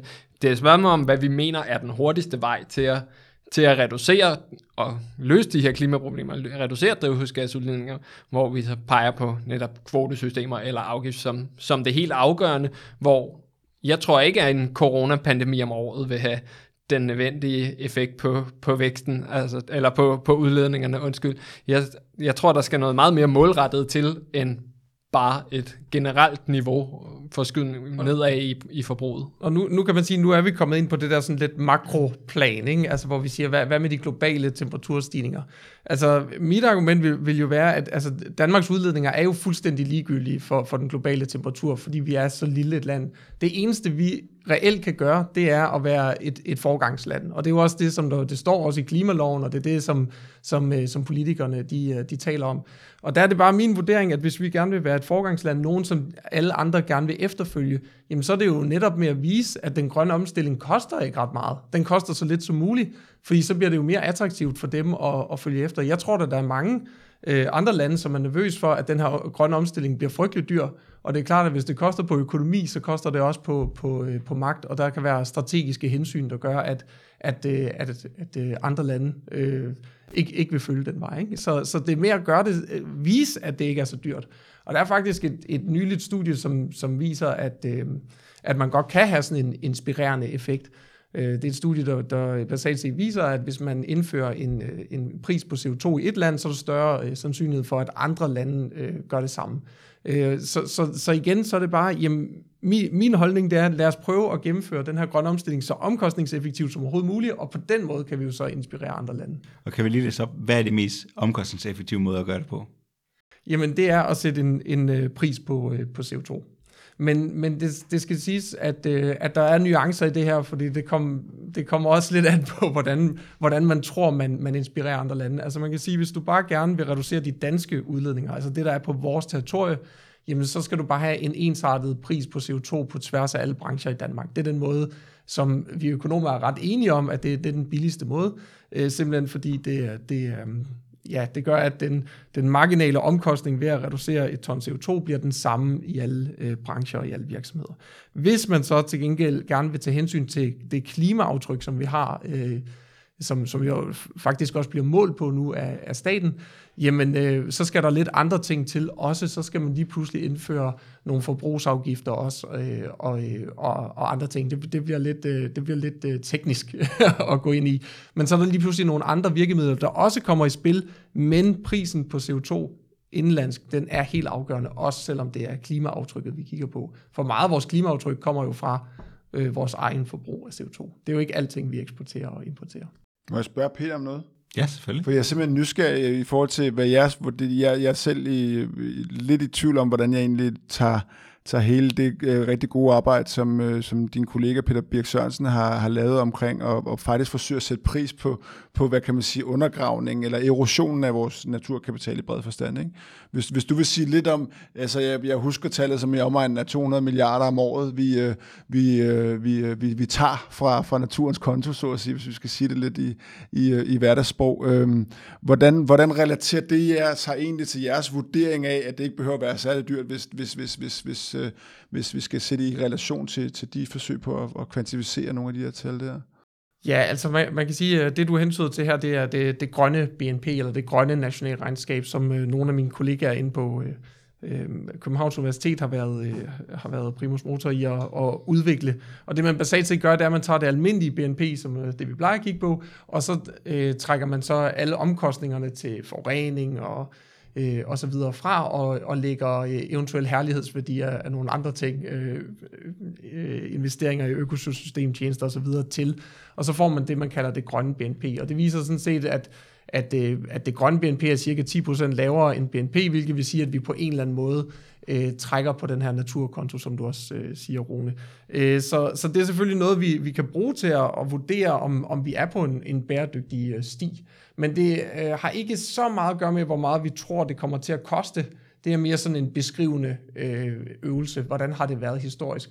Til gengæld øh, er jeg også involveret i, og det er øh, også... Øh, øh, blandt andet nogle af mine kollegaer på øh, Københavns Universitet, som udvikler den her model, der hedder Grøn Reformmodellen, øh, som nu er blevet adopteret af Dreamgruppen og, og Finansministeriet sådan set også, hvor man kan regne på alle mulige grønne tiltag. Og når man regner på sådan en stor model for dansk økonomi, som øh, faktisk er en, en, det er faktisk en meget, meget avanceret model, øh, jamen så kan man så prøve at kvantificere, hvad koster det at, øh, at reducere forskellige udledninger osv. Og så kan man så bruge de tal, man har fra det grønne nationalregnskab, hvis man ønsker det, til at gange på og så sige noget om, hvad, hvad er den økonomiske værdi så. Så grøn reformmodellen siger kun noget om, om øh, mængder. Så for eksempel, hvis vi indfører det og det tiltag, så vil det reducere udledningen af en eller anden, øh, øh, øh af en eller anden emission med, med x antal tons, jamen så kan man så gange prisen for det grønne nationalregnskab på at finde ud af, hvor meget det er så værd for samfundet. Øh, så det er, jo, øh, det er jo noget som øh, nogle værktøjer, vi håber, at øh, vi og andre kommer til at bruge i fremtiden til at igen at sikre en, en, øh, en, en øh, omkostningseffektiv øh, grøn omstilling. Og så kan man måske sige, at i forhold til det her træk på naturen, så er det jo samme pointe, som, som vi havde tidligere. Rigtig meget af det her kommer fra landbruget, og landbruget fylder ikke voldsomt meget i økonomien, så man kan sige, den rene økonomiske vækst kunne sagtens bære, at vi ikke havde et så stort træk, det ville bare betyde, at vi havde mindre landbrugsproduktion, men det kunne økonomien sagtens klare, fordi landbruget fylder ikke særlig meget i, i vores økonomi, så det taler måske mere for, at vi har en for stor landbrugsproduktion i forhold til, hvor mange såkaldte eksternaliteter, altså hvor mange af de her forureningsproblemer og så videre, der kommer med landbrugsproduktionen. Så det er nok, det er nok mere sådan, man skal tænke det der 200 milliarder træk i, for en stor del af det i hvert fald. Så er jeg nysgerrig på i forlængelse af det, hvad, hvad, om, om I har lavet beregninger eller på at lave kørsler i, i den i grøn reformmodellen i forhold til, hvad det ville koste os som samfund faktisk at komme af med, altså lave de investeringer, der skal til for, for at komme, øh, altså, øh, komme af med biomasse, eller skabe et, et, et varmesystem, øh, som, som er øh, klimaneutralt? Øh, ja, det, det, det kan jeg sikkert godt svare på om et halvt års tid, når vi lige er nået øh, lidt længere. Det glæder mig til. Så.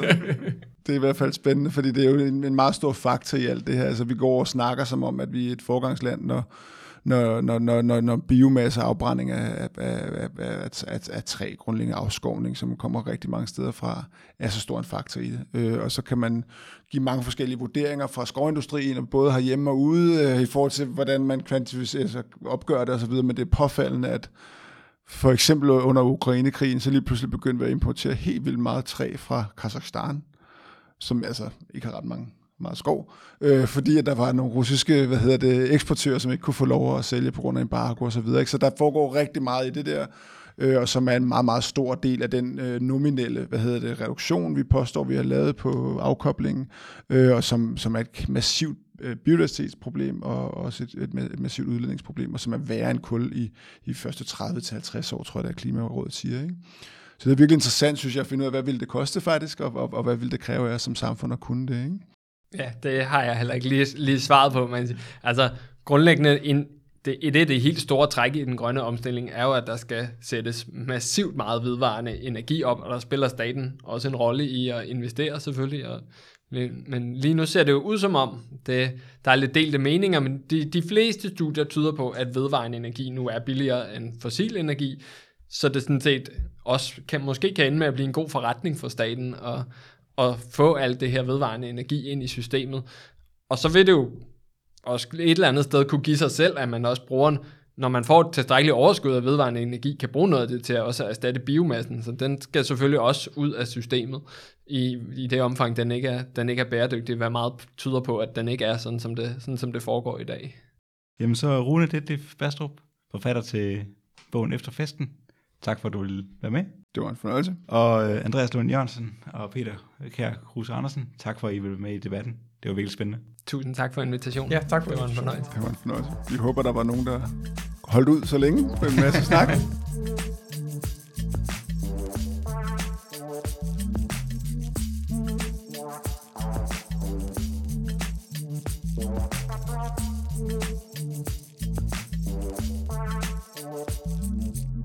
Oh ja.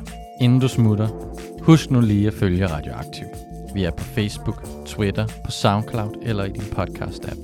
En række af vores podcasts udkommer også som video på YouTube.